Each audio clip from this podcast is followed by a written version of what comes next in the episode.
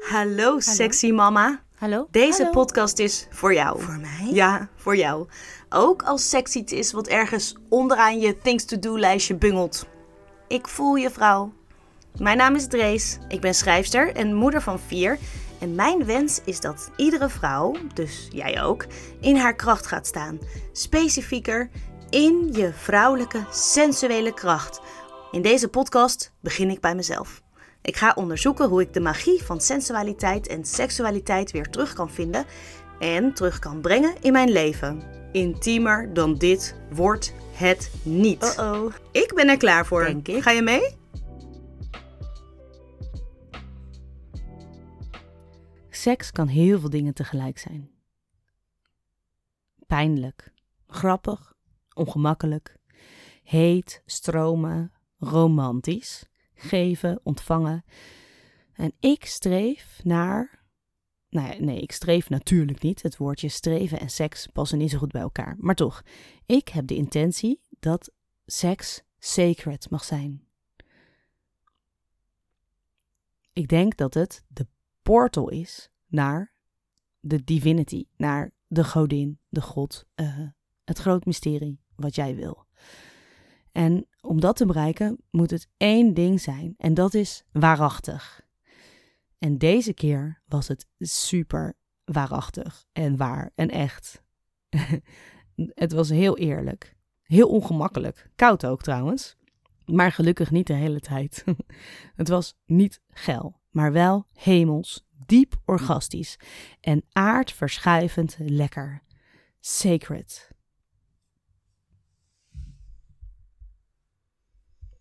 Dit is het verhaal. Haha, nu kan ik toch een beetje ervaren hoe het is om met een andere man seks te hebben. Floris lacht. Ik lach ook, maar niet helemaal van harte. Zijn grapje gaat namelijk over mijn beenhaar. Om mijn wilde vrouw nog meer te leven, besloot ik een tijdje terug om mijn haren te laten groeien. Alle, dus ook die op mijn benen, tussen mijn benen en onder mijn armen.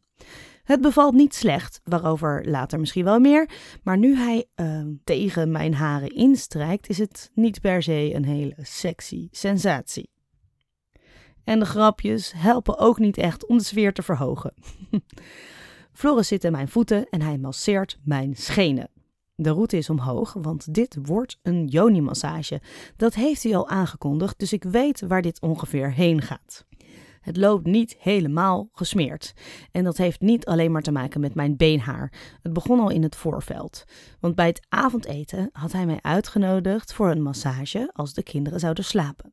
Ik dacht, oké, een rugmassage, lekker. Of een voetmassage, ook goed. Ik zat niet echt te springen, ik had nog meer te doen, maar het leek me wel fijn en al die andere duizend taakjes konden wel even wachten. We spraken dus af dat ik de houtkachel aan zou steken en mijn strandponcho aan zou trekken. Eh, je weet wel, zo'n ding waar peuters en surfers ook heel graag in lopen. En we zouden elkaar dan om negen uur weer ontmoeten. Nou, we deden allebei ons ding voor het bedritueel van de kinderen. Het liep een beetje uit, om een lang verhaal kort te maken. We hadden nog weinig tijd. Een half uurtje voordat ik in bed wilde liggen. Het moest dus een korte massage worden. Maximaal een half uur. En toen zei hij ineens dat hij me niet een rugmassage, maar een yoni-massage wilde geven. Oh. Wilde ik dat ook? Hij stond als een kwispelende pup voor me. Er kwam nog net geen kwel uit zijn mond. Het was duidelijk dat hij er zin in had. Zoveel dat ik mijn best moest doen om te onderzoeken of ik er dan wel zin in had. Ik probeerde naar binnen te keren, in mijn buik. Die was warm. En met een beetje aandacht ontwaarde ik zowaar een heel klein vlammetje in mijn bekken. Mijn hoofd zei: Oh, het duurt minimaal 40 minuten om je goed te kunnen openen. Dat had ik namelijk een keer geho- gehoord van een tantra-leraar. En Floris zei lief: Ik wil jou dit graag geven, maar als jij geen zin hebt, kunnen we ook gewoon een filmpje kijken.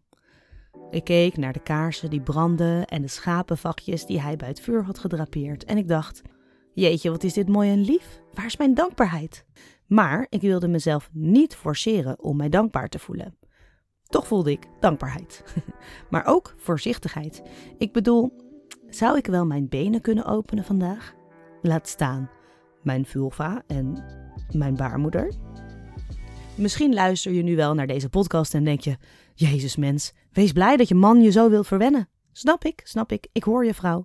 Want dat denkt mijn innerlijke criticus namelijk ook. En ik heb inmiddels gemerkt uh, dat ik meer dingen doe omdat anderen ze willen dan dat ik er zelf voor kies. Of misschien moet ik zeggen dat ik meer dingen deed. Anyways, weet je, bij het intiemste ter wereld, namelijk het openen van mijn hemelse poort, mijn zachte, lieve, kwetsbare en krachtige Joni, moet ik er uh, één zin in hebben, twee tijd voor nemen en drie me veilig voor voelen. Minimaal. En die kaarsen en die lieve man, die helpen daar zeker bij, maar het is niet het hele verhaal. Anyways, ik nam plaats. En nee, mijn benen gingen nog niet open. Ik wilde eerst oogcontact, intenties helder hebben. Want had deze man, mijn man, betrouwbare intenties? Het blijft iets wat ik elke keer wil checken. Hij heeft een Duits accent, dat moet je er zelf maar bij denken, maar hij zei: Lieve Drees, ik wil jou dit geven. Je hoeft niets terug te doen of mij te geven. Alleen maar te genieten. Of dat nog niet eens. Je hoeft alleen maar te voelen. Wat een opluchting. Ik was blijkbaar niet eens verplicht om te genieten. Oké, dan kon ik nu gaan liggen. In mijn strandponcho met een dekentje en nog een dekentje en heel veel warme kokosolie. Hij begon bij mijn voeten. En inmiddels is hij dus bij mijn schenen beland. En hoewel ik nog steeds actief mijn best moet doen om mijn billen niet samen te knijpen, voel ik dat ik begin te zakken. Mijn aandacht gaat omlaag. Ja, mijn benen zijn behaard. En ja, Floris wil me graag masseren. Dat is niet sexy, maar wel koesterend. Hij blijft lang bij mijn benen hangen. Dat is heel lief, want het helpt me om te aarden. Maar ik denk ook: hallo, als je nog iets bij mijn vulva wil doen, zou ik maar opschieten. Ik vermaan mezelf om terug te gaan naar de sensaties. Doe mijn billen, kneep mijn billen, alsjeblieft. Ik weet inmiddels dat er veel blokkades in mijn kont zitten opgeslagen. Die samengeknepen billetjes, waar ik het zojuist over had, ja toch? Nou, die kunnen best hard aangepakt worden. Daar worden ze blij van. Verrassend blij. en jou hoor, Floris pakt ze beet. Mooi, hehe. Hij masseert ze zorgvuldig en ik maak ze zo rond en zacht mogelijk. Ik scan mijn lichaam of er nog meer spiertjes zijn die zich kunnen ontspannen. Laat los, Drees. Laat los. Oké. Het lukt. Mijn zenuwstelsel gaat zo in ontspanning dat ik het ineens super fucking koud krijg. Ik ben een beetje moe van mezelf aan het worden, dat ik elke keer iets op te merken heb, maar ik besluit om toch maar uh, mijn behoeftes uit te spreken. Niemand heeft er iets aan als ik hier een beetje licht te vernikkelen en die arme Floris maar werken daar beneden. Nee, dat kan ik gewoon echt niet maken. Dus, Floris haalt nog een schapenvachtje en legt die over de deken op mijn buik en ik doe de capuchon van mijn poncho op. Inderdaad, niet charmant. Wel warm.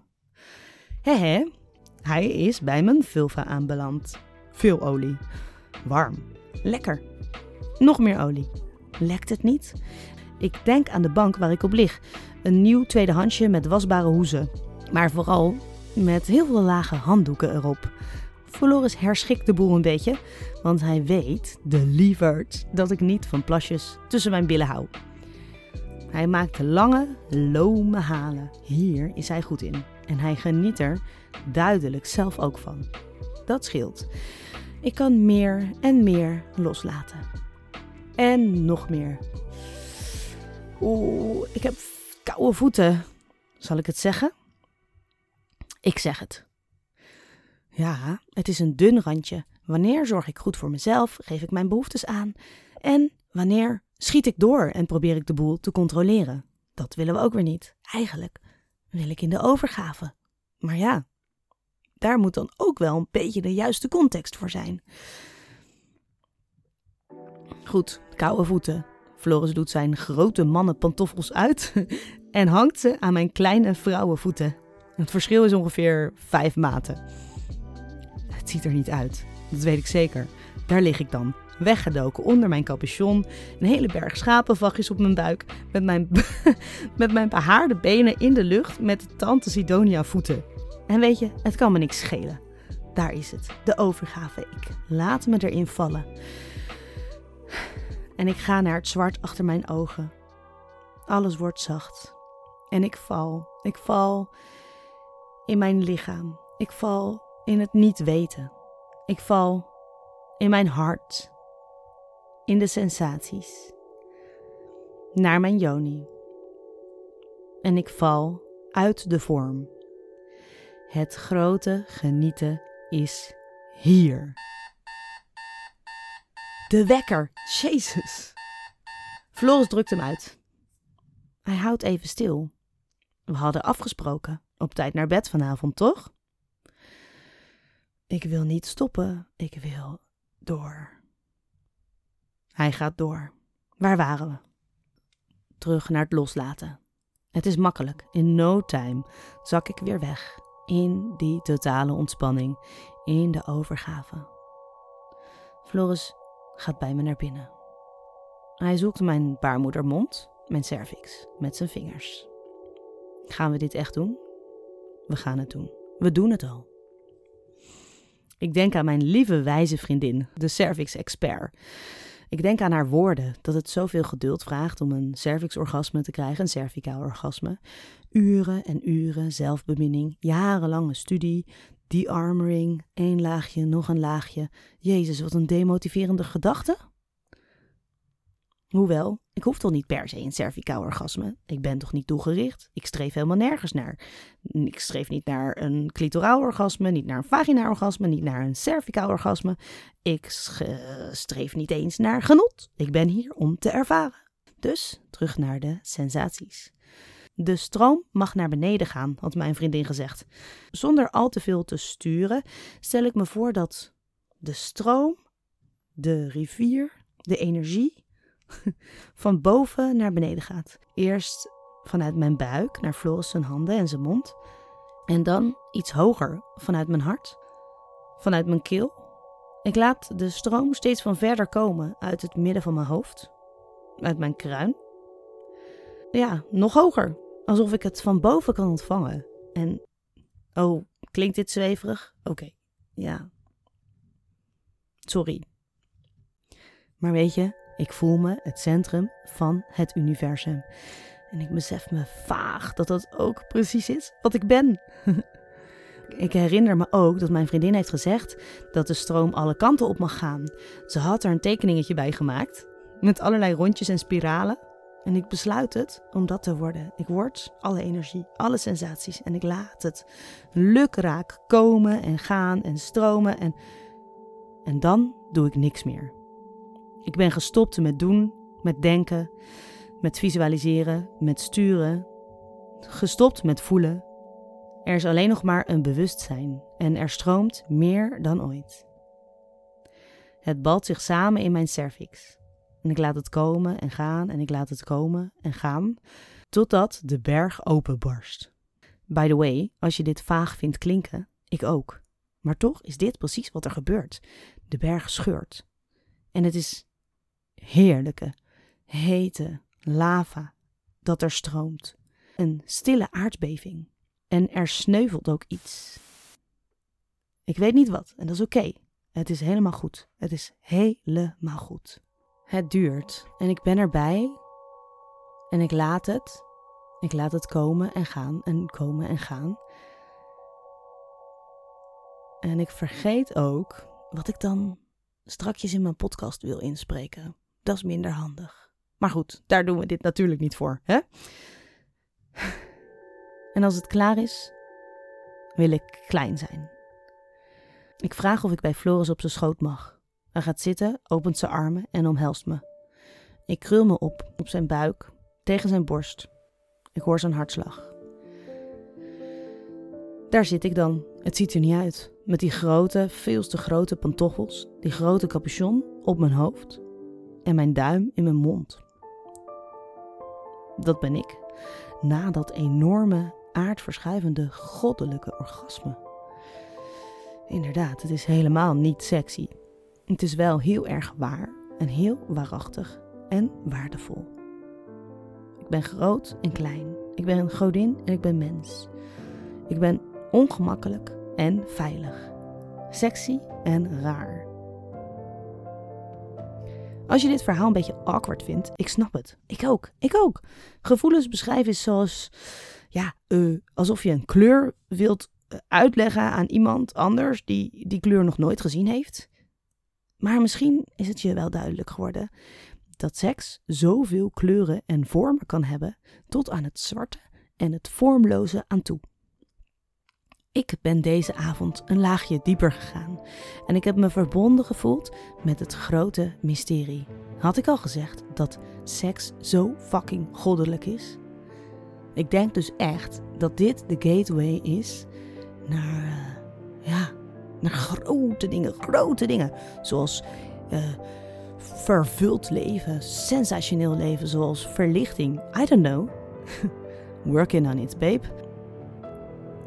En die nacht droom ik van mijn vader, mijn overleden vader. Hij is al tien jaar dood.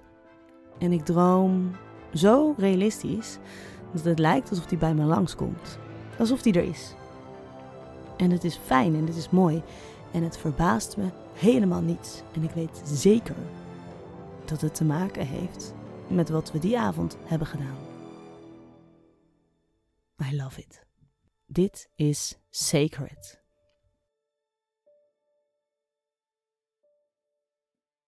Bedankt dat je hebt geluisterd naar dit avontuur. Ik ben benieuwd wat het met je heeft gedaan. Vond je het leuk? Heb je ervan genoten? Vond je het stiekem misschien een beetje awkward? Gênant? Interessant? Grappig? Laat het weten.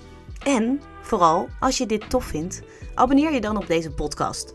En natuurlijk kun je me ook volgen op social media. Ik zit op eh, Facebook en Instagram. En als je nou het gevoel hebt dat er meer vrouwen zijn die dit eigenlijk zouden moeten horen, ja, stuur het dan vooral aan hen door. Echt super tof om samen ja, deze ontdekkingstocht aan te gaan. Tot gauw!